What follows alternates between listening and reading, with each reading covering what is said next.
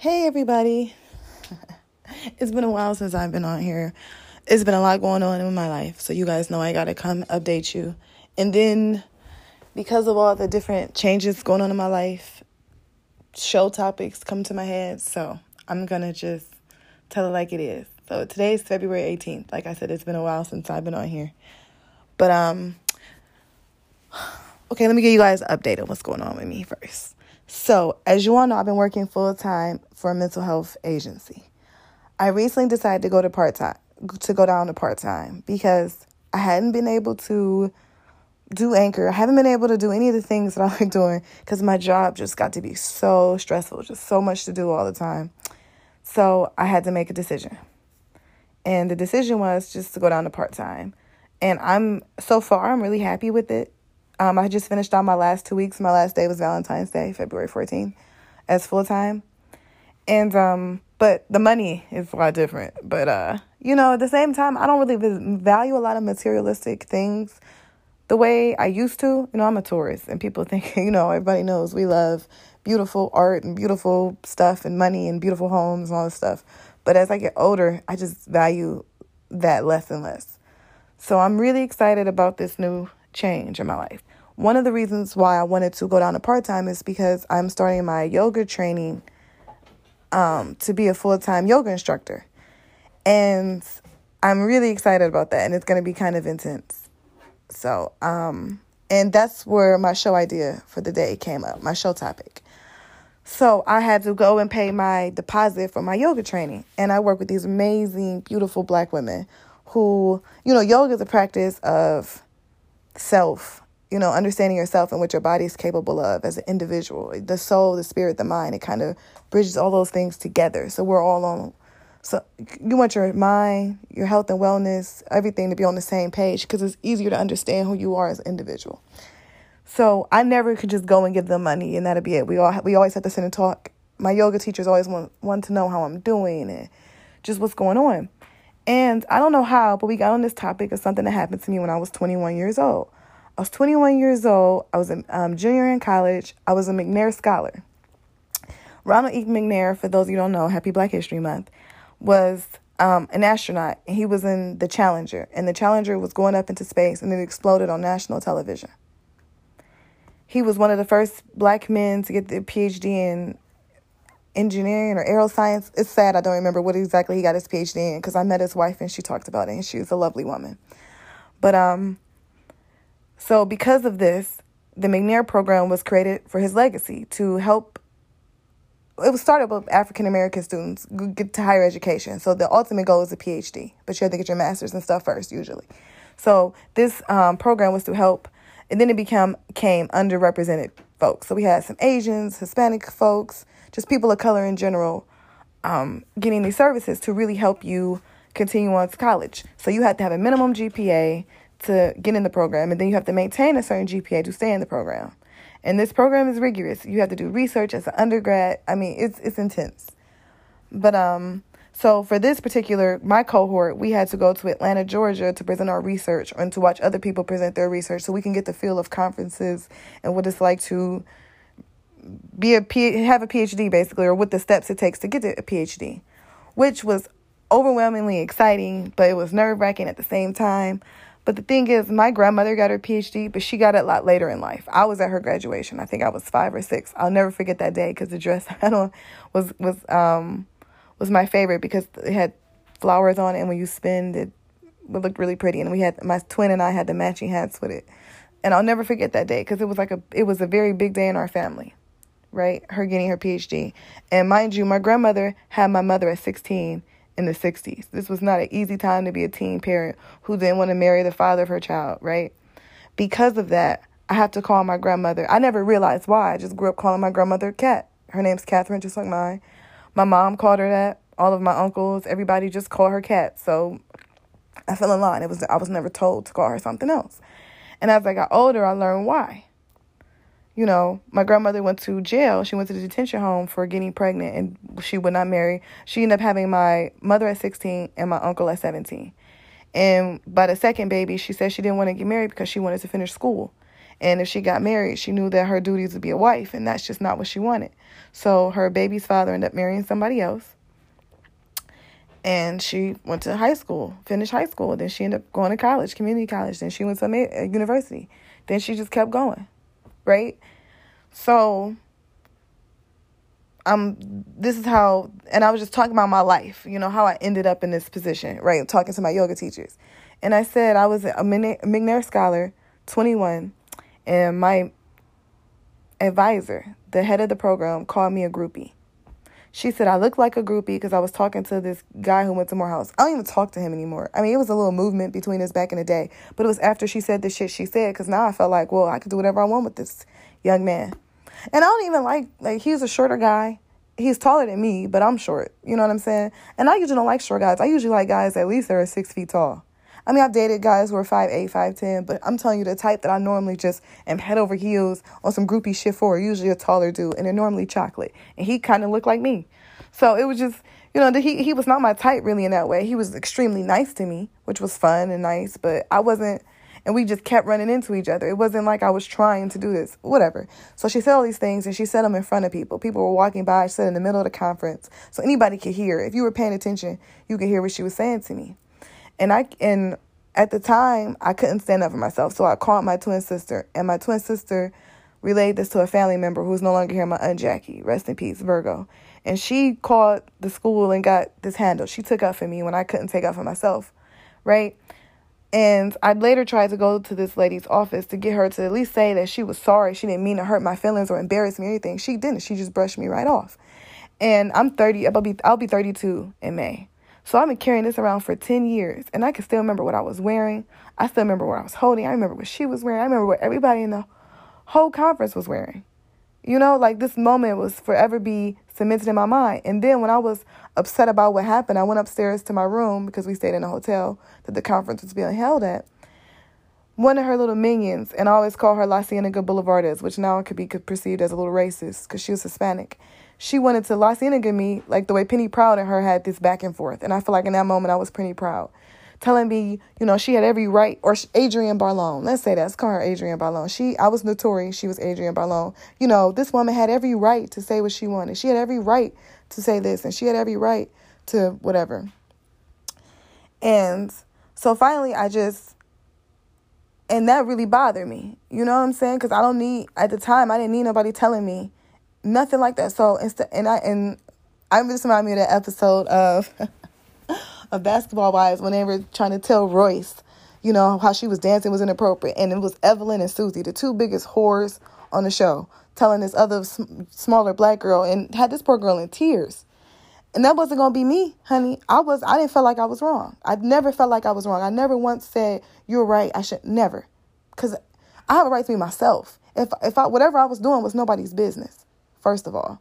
But she wanted to make it her business, right?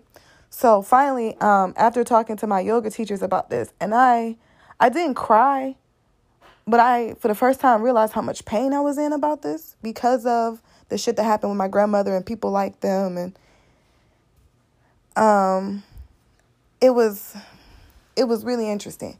So I sent her a message today, and I just let her know you hurt my feelings. You never apologized. It's fucked up. I hope you don't do it to another young sister with lower self esteem. I said, I still carry that around with me because you were supposed to be my role model. She said, Hey there, I'm sorry. I don't know what situation you're referring to. I'm going to reply back to her so she can know what situation I'm referring to because the shit's not right. Okay?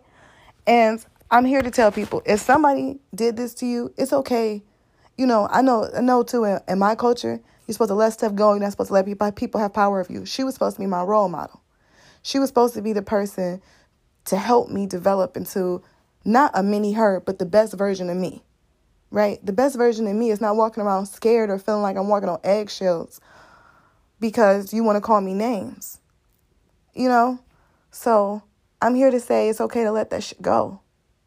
Let it go. And to the, to the, to the, to the men out here, women get a lot of attention when our feelings get hurt. It's okay to tell your people who in your life when they fucked with you too. It's okay to do that. So I'm going to re- respond and let's see if I have more to add to this episode. Happy 2020. Okay, guys, this just really got interesting. So I got a reply back after I told this person how I felt.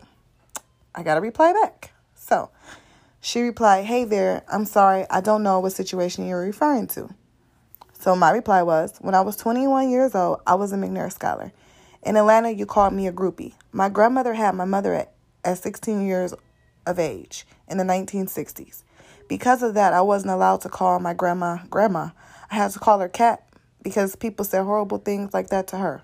You can think whatever you want about me or other people, but there are certain things you don't say even if you think them. I came to your office afterwards when I got up enough courage to do so, to come to your office. You just brushed me off. My aunt, who is now dead, talked to the director of the program about it. My aunt was the only person who ever protected me. Don't do that to anyone else. They may want have wanted to quit the way I wanted to quit, but my aunt nor my other family members would let me do that based on how I felt about situations. Feelings didn't matter. Other sisters may not have that same support system. I'm sure you don't know everyone's story like you didn't know mine. I'm 21 years old. At the time, I was 21 years old and I was still learning who I was, and I was very lost. At the time, I hadn't really spoken to my biological mother in a long time. So when you said those things, it really hit hard. And she said, Thank you for sharing your perspective, and I appreciate the feedback. I would hope that you would grant both of us some grace, as I was young as well. I was only 25 at the time and was not intentionally meaning to hurt you. I have fond memories of you as a scholar, yet intention does not negate impact, so I apologize for the harmful interaction. Learning ourselves and being reflective about interpersonal interactions is an ever evolving process. All I can do is be better in the future, in, in my future interactions and I have and I have in my work and with my students and colleagues in the, in in the decades since this has happened. And I replied, "Thanks, sis. I accept all this. Ten years, and I still remember what I was wearing. I remember what you were wearing. I remember the weight of the binder in my hands. So I really appreciate this discussion." And she replied, "I do too. I'm really sad that you've experienced me this way." While it's always hard to receive feedbacks, it, it helps me grow as a person and be sure to align my values with the action. I'm deeply committed to empowering and uplifting black women. And I understand that, and it starts at home. And a lot of times, I think people are thinking they're giving you good advice. You know, they're giving this young sister good advice. You know, I don't want you to look like this, I don't want you to look like that. But when I had replied to her at the time that I don't care what other people look at me as because I get to do me, that's the attitude I was raised with. You know what I'm saying? I don't, you know, I don't like to duck and hide or whatever. I can be discreet about certain things. But in that particular moment, I wasn't doing anything wrong. I wasn't kisses on this boy, I wasn't holding his hand, I wasn't doing any of those type of things at this conference because we had to remain professional. I didn't even leave like I, the way she was to me the the punishment that I got. She acted like I left with him or something. It wasn't where I was supposed to be when I was supposed to be there. You know, so it's just and I carried this around for a long time. So I invite all of you to go out and talk to the people that bothered you, and hopefully it will be a good exchange like the one I just had. I appreciate this ex- exchange. I appreciate that she made a mistake. And when I brought it to her years later, when I was really ready as a grown woman to have a conversation with her, and she was ready as a grown woman to have a conversation back. Because if the people don't want to own what they did or what they said, and they want to blame everything on some, uh, on the situation or whatever circumstances it was, that to me is not an apology. She owned that she hurt my feelings. And I can appreciate that because I'm sure she wants to empower young black women. But that's not the way to do it. That's my personal opinion, you know, and my feelings were the one hurt. So some of you, I don't know, I hope can be inspired to talk about your feelings because in the black community, we're taught not to do this. We're taught to have really fun sayings like, you know, stunting is a habit. That's what I had said at the time. You know, she's mad. Everybody kept telling me she was mad because I was young and pretty and all these other things or whatever, right? So I tried to make it like it didn't bother me, like stunting's a habit. You know, I, I, I wake up like this type shit, right? That song wasn't out yet, but you get the general gist. And then I realized we try so hard in our culture, especially black culture, to put haters on this like pedestal. Like you want haters if you're not, if they're not talking about you not doing something right. But as a human being, it hurts my feelings. Okay, it really hurts my feelings. I don't need nobody to hate on me. I don't need nobody to do this. And at 21, I was so willing to be any and everything so people could see me, see my family as anything other than the 16 year old that got pregnant on the street because people never forget that. Like my grandmother never forgot she was talked to the way she was. People would say fucked up shit to her face, just horrible things. And then my mom had to hear all of this. And in a weird way, I think it some resentment grew between both of them. I mean, they tried the best. My my grandmother never tried to act like she didn't have children. She never tried to, you know what? Because Kenya Moore, to me, when she talked about her her and her mother's situation, really helped me to see that my grandmother at least tried.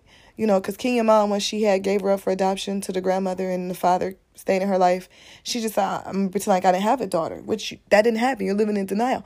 My grandmother never did that. And I didn't realize how brave she was for not doing that. You know? So because of her bravery, I had to be brave too. And now I understand now why she was so hard on me about everything. You know, at the time I had I only been with one person. I, like my virginity was a big deal in my house and my family growing up. I didn't understand all these things at the time. So I was already dating somebody that I wasn't married to, but we were living together. It's the only guy, only real boyfriend I really had, you know, that I was serious about. And so when she said this to me about that situation, it really bothered me because I wasn't, he didn't want to, I probably would have gotten married, which I'm glad we didn't, but he wasn't ready to get married, which thank God one of us has some sense. But I would have did it just so people wouldn't talk shit about me. You know, I would have gotten married, I would have done these things because I was still operating from that same place of pain. And reflecting on this now, I'm so happy that I can give my 21 year old self a hug and say, It's okay, sis. It's okay, young cat. You're to be all right. You know, I love you. Long as you can look at me in the mirror, look at yourself here, and be the best version of you, sis, it's okay. You know, you don't have to listen to the, what this woman is saying to you because she's operating from a place of pain as well. That's why she had to, even in her apology, she had to super intellectualize it. Even though it was there, it was I, to me it was very genuine. I'm not trying to negate that. But a lot of times, as black women, especially, we're the most educated group in America. We have to intellectualize everything instead of just saying, yeah, that was fucked up. And I'm sorry. I think, you know, that just would have been it. And, you know, then she could have went into her explanation a little bit more. But you can't tell people how to apologize. That's just the way I would have did it. That's not, that does not negate. And I had to accept that as well growing up. People don't apologize the way you necessarily want them to. But they will, but she did it the way I needed it to be done. So this is me growing as a person, as an individual. And I'm so blessed to have that opportunity to grow. You know, so many people take being on earth for granted. I don't want to do that. I don't want to take being alive the next day for granted anymore. I'm so appreciative to the universe for giving me this opportunity, this gift. And everybody always made fun of my gift of gab. They said I talk so much, and I, I sure can. And I'll talk to you guys. If anybody on here needs somebody to talk to, talk to me. I really try to get back to folks because I understand what it's like to not feel heard, to feel voiceless, to almost feel invisible. No matter what you do, it just doesn't feel good enough. Someone will have something to say about it. So, what's the point of getting dressed up enough to be proud of yourself so some people can talk shit about you, you know? And that's what I'm saying I love about Kenya Moore. She's a beauty queen. You have to think you're the shit no matter what. So I'm going to take some of that beauty queen magic and saying, you know, I forgive you but here's what you said, and here's why I didn't appreciate it. It's okay to do that too, because I didn't want to be seen as this mean person, and I was becoming this mean, bitter person because of it. You know what I'm saying? Like, they, don't do that. If shit bothers you, you have a right to let it. You have a right to let it go. And I probably could have told her this years ago, but I wasn't ready. I really wasn't ready, but I'm ready now. And I hope you, anybody listening to this who's receiving this, can be ready to tell people. And that's the thing too. If you're still trying to tell them to hurt their feelings or to have them deal with their own pain, don't do it yet. You're not ready. Because I'm sure I could talk about a million problems that she may have. I can speculate about a lot of issues she have by just physically, mentally understanding or you know talking to somebody. You can kind of get a general gist of things, right? I don't want to do I didn't want to do that either. I wanted just to just be about me. It wasn't about her. She came when she said the things she said, you know, a lot of times when I was telling people what happened, they would speculate why, you know, what type of pain she was in. That's not my issue. Her pain was not my problem. My pain was not her problem, you know, at the time. But when I had to take a step back, I understood that, you know, I, I knew at the time hurt people hurt people, but that doesn't mean I want to be bleeding, right? So now I understood how to just make this about me only, you know? Because the 21 year old Catherine is the one I carry around, not the however old she. You know what I'm saying? I had to really come to terms with that fact, and it took me ten years to do it, and it was an amazing journey. It was an amazing journey. So um, I want you guys to free yourself But don't come at the person like, you did this, you did this. The excu- accusatory blaming shit, it's not to get you anywhere. This is how you made me feel. I accept that I own my own feelings because I've been carrying them around for 10 years. I'm sure you don't remember. Because, you know, people would have got mad. I don't know what you're from. Of course, you know what I'm talking about. You know what you said to me. She might not remember it. Don't, guys, don't be, give people the benefit of the doubt, especially if you're coming with them like this. Or maybe they don't want to remember. That's the thing, too. So, I don't know. I just, I wanted to be free. I, the idea of my yoga teachers asked me, what would you say to her now? I really, you know, I, I made it funny at first when I was talking to them, and I said, this is not funny. This bothers me. You know, I can make anything into a fucking joke and, or into to make other people laugh so I can control almost the situation, but I'm still not dealing with me. You know, I, I don't want to neglect Catherine anymore. You know, all of these other names I have, Cat Mar Cat, all are definitions or different characters of Catherine. But I wasn't taking care of Catherine Marie the way I needed to. She needed me to be strong for her. And now I feel like this is what she always wanted me to do. She wanted me to handle it just like this.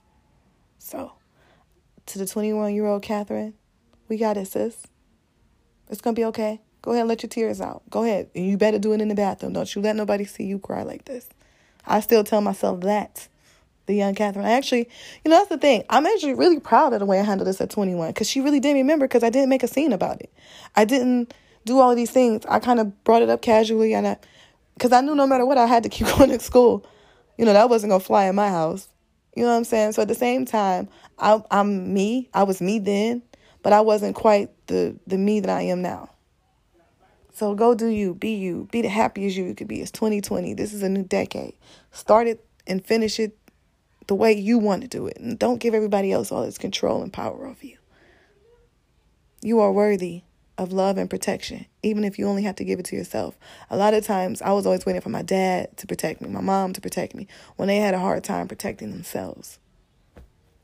So now, and I understand that now, and I can forgive both of them for that. I can forgive myself from being mad at them, for, for them not doing what I feel like they need to be doing. You know, forgiveness. That's what it's all about. So thanks for chatting with your girl, Cat. If you want to add to the conversation, feel free. If you have some stories to share, feel free to share them.